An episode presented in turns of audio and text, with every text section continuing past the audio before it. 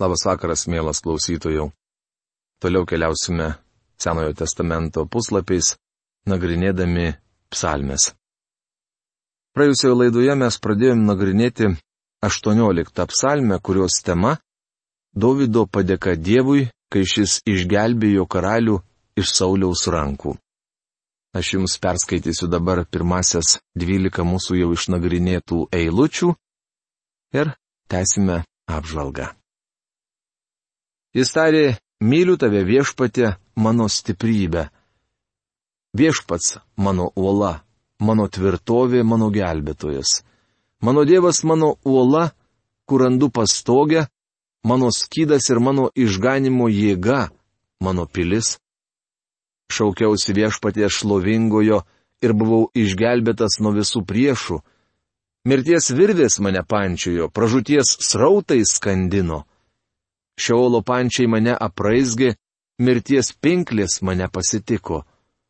Savo skausme šaukiausi viešpaties, prašiau savo dievų pagalbos. Jis išgirdo mano balsą savo šventykloje ir mano pagalbos šauksmas pasiekė jo ausis. Tada sujudo ir sudrebėjo žemė, kalnų pamatai suvirpėjo ir susvirduliavo, kai jį apėmė pyktis. Dūmai veržėsi jam iš nervių, ryjanti ugnis iš burnos, o žarijus virto liepsnomis. Pravėrė dangų ir nužengė, o audros debesys buvo jam po kojų. Sėdosi ant kerubų ir skrido, vėjo sparnai skubėjo. Tamsos skliautu jis apsiautė save, vandens telkiniu, audros debesimis. 18 psalmės 1-12 eilutės. Ta diena, kai viešpats Jėzus Kristus buvo nukryžiuotas, visą kraštą apgaubė tamsa. Praėjusią laidą užbaigėme žodžiais, kas tai padarė. Klausykime toliau. Viešpats sugriaudė danguje, aukščiausiasis prabilo balsu, kruša ir žarijomis. 18 psalmės 14 eilutė. Psalmės pradžioje buvo vartojamas įvardis mano. Nuo aštuntos eilutės pirmasis asmuo buvo pakeistas trečiuoju. O štai eilutėje, kurią netrukus skaitysime, randame abu įvardžius - jis ir mane. Jis ištiesė ranką iš aukštybių ir paėmė mane. Jis ištraukė mane iš galingų vandenų. Jis išgelbėjo mane nuo stipraus priešo, nuo tų, kurie manęs nekentė, nes buvo stipresni už mane. 18 psalmės 17-18 eilutės. Jis išgelbėjo mane nuo stipraus priešo. A kaip mums reikalingas gyvas asmeninis ryšys su Dievu. Pažinkime viešpatį ir supraskime jį. Jis išvadavo mus nuo priešo. Gal jums šiandien reikia pagalbos? Gal reikia partnerio? Norėčiau jums kai ką parekomenduoti. Jis niekuomet jūsų neišsižadės ir nepaliks vieno, niekuomet neapleis. Tasai, apie kurį aš kalbu, sako, štai aš esu su jumis per visas dienas iki pasaulio pabaigos, rašoma Mato Evangelijos 28 skyriaus 20 eilutėje. Štai kodėl juo pasitikiu labiau nei bet kuo kitu. Dėl šios priežasties ir jūs turėtumėte priklausyti nuo jo, o ne nuo kokio kito žmogaus. 118 psalmės 8 eilutėje sakoma, geriau ieškoti pagalbos pas viešpatį, negu pasitikėti žmonėmis. Kuris išgelbėjo mane nuo priešų, net išaukštino prieš maištininkus ir apsaugojo nuo nuožmiųjų. 18 psalmės 49 eilutė. Profesoriaus Algirdo Jurieno Biblijos vertime paskutiniai šios eilutės žodžiai skamba taip. Iš smurtininko tu mane išplėšiai. Smurtininkas, mano nuomonė, yra šitonas. Todėl viešpatie aš lovinsiu tave tautoms, tavo vardui giesmes gėdosiu.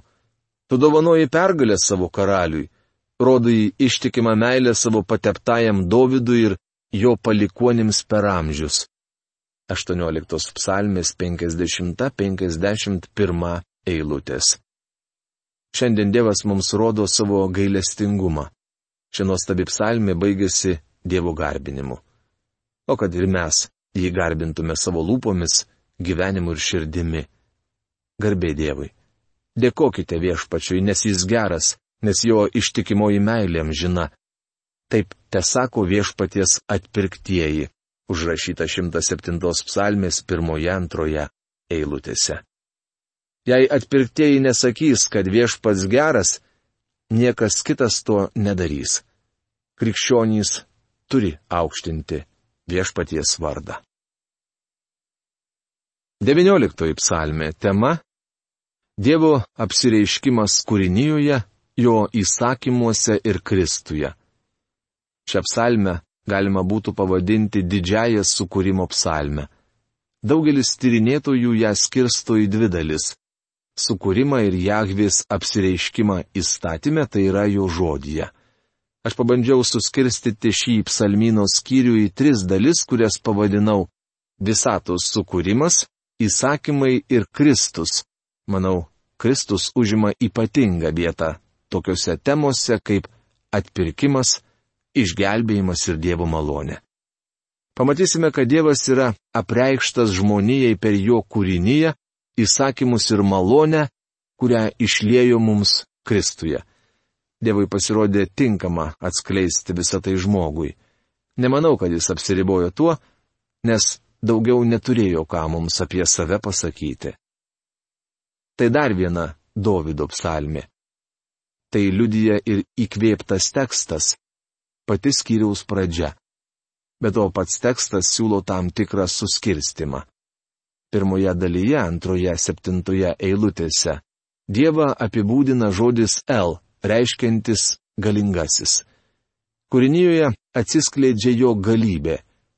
Pradžioje Elohim, Elohim yra žodžio El daugiskaita, sukūrė dangų ir žemę, galite žiūrėti pradžios knygos pirmos skyriaus pirmą eilutę. Vardas Elohim apibūdina Dievą kaip kūrėją. Nuo septintos eilutės prasideda kita dalis. Viešpaties įstatymas tobulas. Čia jau vardas Jahve. Šioje atkarpoje Jahvės vardas pavartotas septynis kartus, o paskutinį kartą dar pridedami du kiti vardai - Jahve, Zuri, Goeli, o tai reiškia Jahvė mano uola mano atpirkėjas. Sveiko proto tyrinėtojai tokio vardų skirtumo nebando aiškinti tuo, kad šios dalys buvo parašytos dviejų skirtingų autorių. Jei studijuodami penkiaknygę tyrinėtojai būtų vadovavęsi tokia pat sveika nuovoka, nebūtų prasimanę teorijos, kad ją rašė skirtingi autoriai - jehvistai ir elohistai. Penkiaknygė parašė tas pats autorius tik apibūdindamas Dievą naudojo du skirtingus vardus. Psalmės paaiškina daugelį kitų Biblijos vietų. Vėliuosi, kad jos teikia jūsų širdžiai ir gyvenimui palaimą.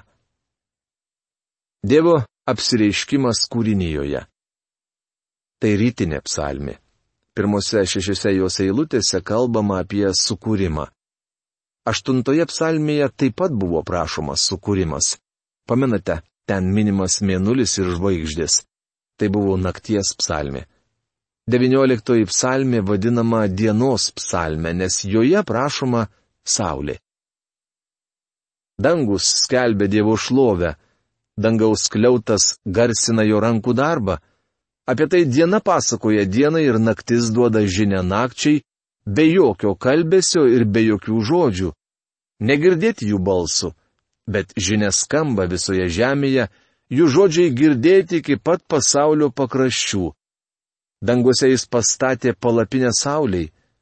Lignuotaka išeina iš už savo jungtuvių užuolaidos ir lig galiūnė džiugiai bėga savo keliu. Iš vieno dangaus skliauto galo jį pradeda žygį, o jos kelias veda prie kito galo. Nuo jos kaitros pasislėpti niekas negali. 19 psalmės 2-7 eilutės. Norėčiau perskaityti jums, kaip šią pastraipą yra išvertęs daktaras Arno Gebeleinas. Jis buvo vienas iš mano mokytojų ir aš galiu juo pasitikėti. Šis vyras puikiai pažinojo garsius hebrajų ir vokiečių tyrinėtojus, kruopščiai išstudijavusius visą psalmyną. Taigi siūlo tokį vertimo variantą. Dangus skelbia Dievo garbę ir erdvė garsina jo rankų darbą. Diena dienai lėja kalba ir naktis nakčiai rodo pažinimą. Be kalbos ir be žodžių, tačiau girdimas jų balsas. Po visą žemę išsklinda jų eilė, iki pasaulio krašto jų žodžiai. Saulė jis pastatė palapinę juose.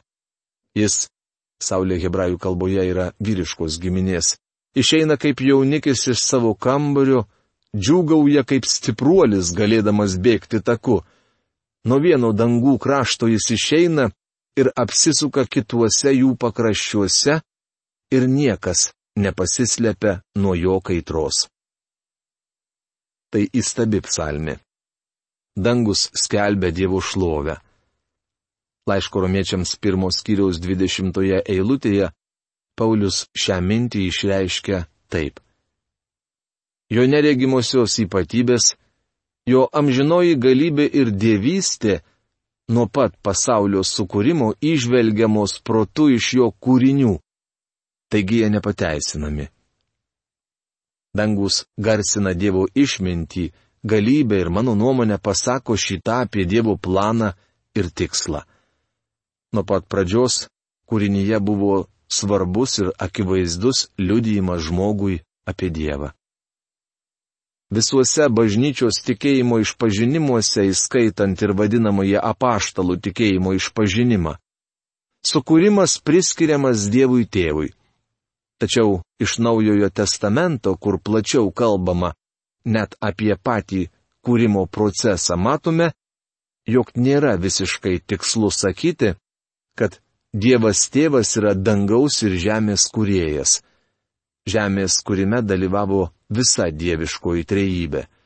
Iš tikrųjų, hebrajų kalboje Elohim yra daugiskaitinis žodis, apibūdinantis trejybę. Naujasis testamentas paaiškina mums, kad viešpats Jėzus buvo sukūrimo veiksnys, o šventoji dvasia visą atnaujino ir sulopė. Dievo dvasia sklandė ant vandenų paviršiaus, verčia profesorius Algirdas Jurienas pradžios knygos pirmos kiriaus antrą eilutę. Apaštalas Jonas pasakoja apie kitą pradžią. Pradžioje buvo žodis, ta žodis buvo pas Dievą ir žodis buvo Dievas. Visa per jį atsirado ir be jo neatsirado nieko, kas tik yra atsiradę. Rašoma Jono Evangelijos pirmos kiriaus pirmoje trečioje eilutėse. Tai viešpats Jėzus Kristus. Laiške kolosiečiams pirmos kiriaus šešioliktoje eilutėje apie viešpatį Jėzų pasakyta. Nes jame sukurta visa, kas yra danguje ir žemėje, kas regima ir neregima, ar sostai, ar viešpatystės, ar kunigaikštystės, ar valdžios. Visa sukurta per jį ir jam. Viešpats Jėzus buvo sukūrimo veiksnys.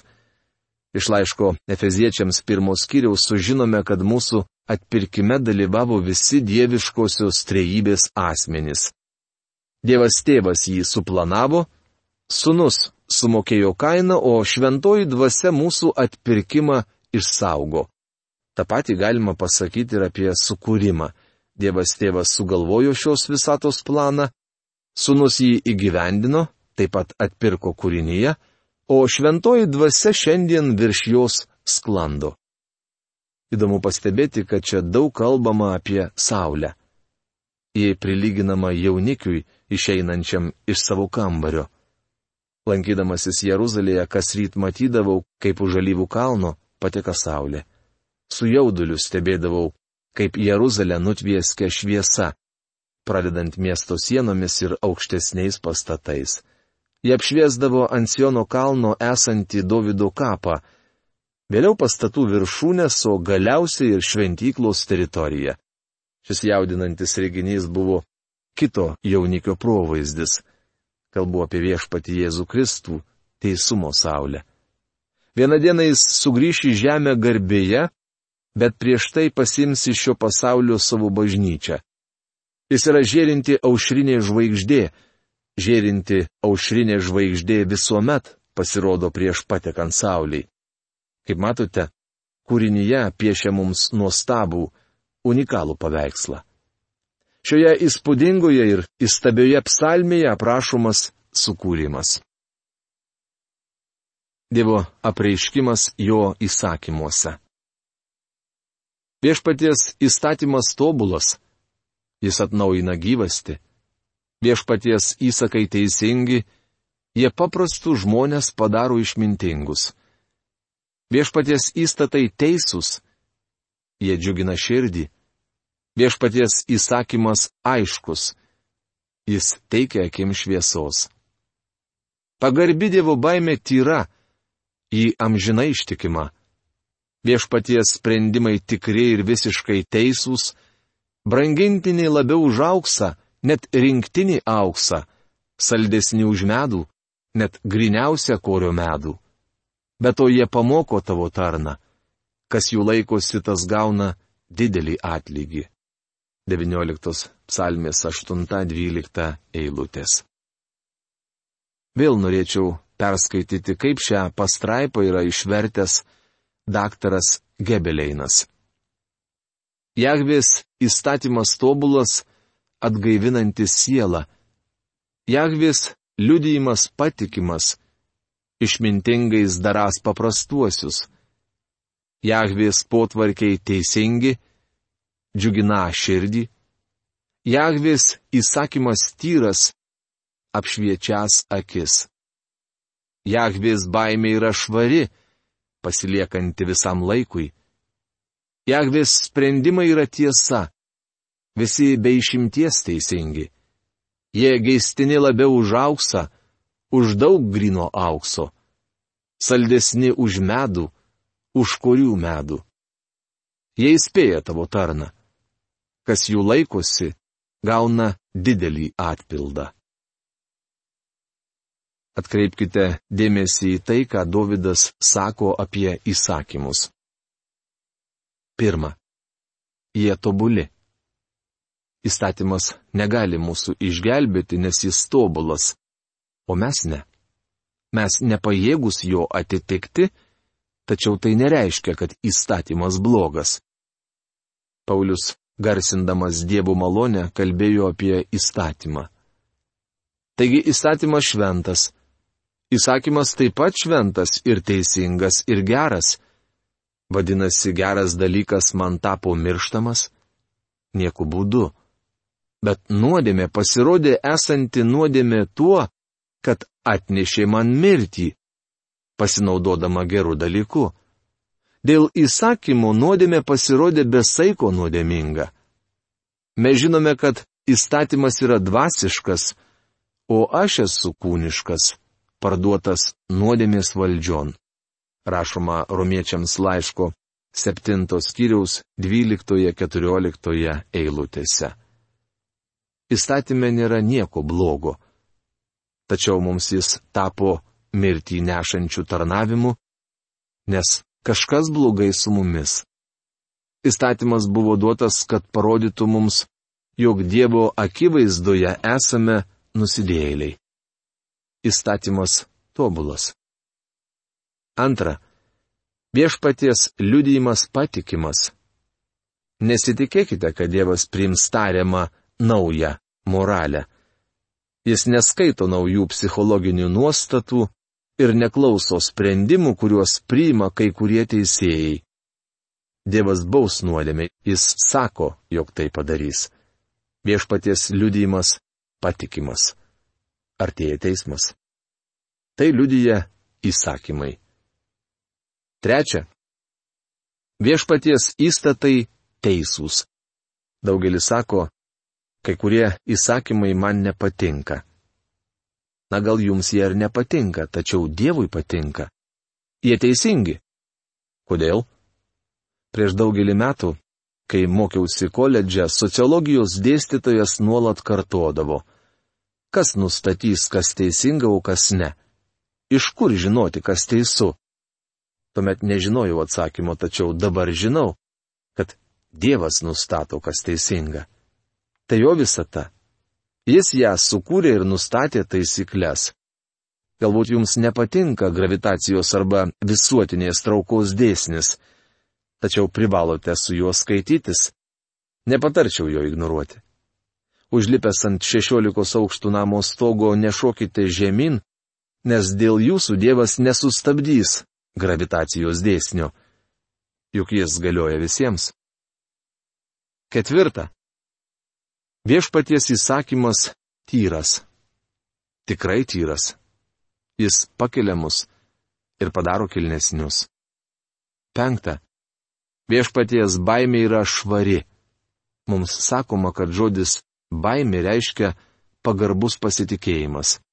Mano nuomonė jis reiškia kur kas daugiau. Baimė reiškia baimę. Gerai, bičiuliai, jei bijote Dievo. Aš mylėjau savo tėtį, tačiau kartu ir bijojau jo.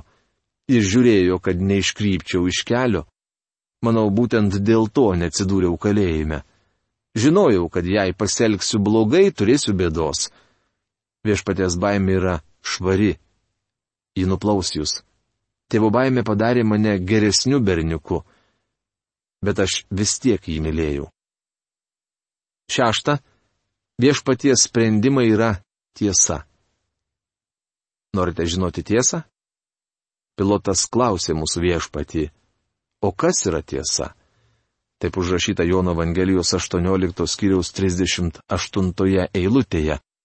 Tuo tarpu tiesa stovėjo tiesiai priešais jį viešpaties Jėzaus Kristaus asmenyje. Septinta. Viešpaties sprendimai yra teisingi. Dievas viską daro teisingai. Tai nuostabi psalmyno dalis. Mums reikia išmokti mylėti visą Dievo žodį. Keletą žmonių parašė man, manydami, kad aš turiu kažką prieš dešimt įsakymų. Anaip tol, dešimt įsakymų yra nuostabus. Nieko neturiu prieš juos. Žinot, prieš ką turiu? Prieš Verno namagį. Jis nepajėgus jų laikytis. Jei jūs įstengiate laikytis dešimties įsakymų, galite paprašyti Dievo, kad jis pasislinktų ir leistų jums atsisėsti šalia jo. Mat sugebėjote padaryti tai savo jėgomis. Bet Dievas teigia, kad negalite laikytis jo įsakymų ir aš jam pritariu. Jis sakė, jog man nepavyks padaryti to savo jėgomis ir aš su juo sutinku. Turiu ateiti pas Dievą kaip nusidėjėlis. Mielas klausytojau, šioje rašto vietoje mes šiandien sustosime. Iki malonaus sustikimo. Sudė.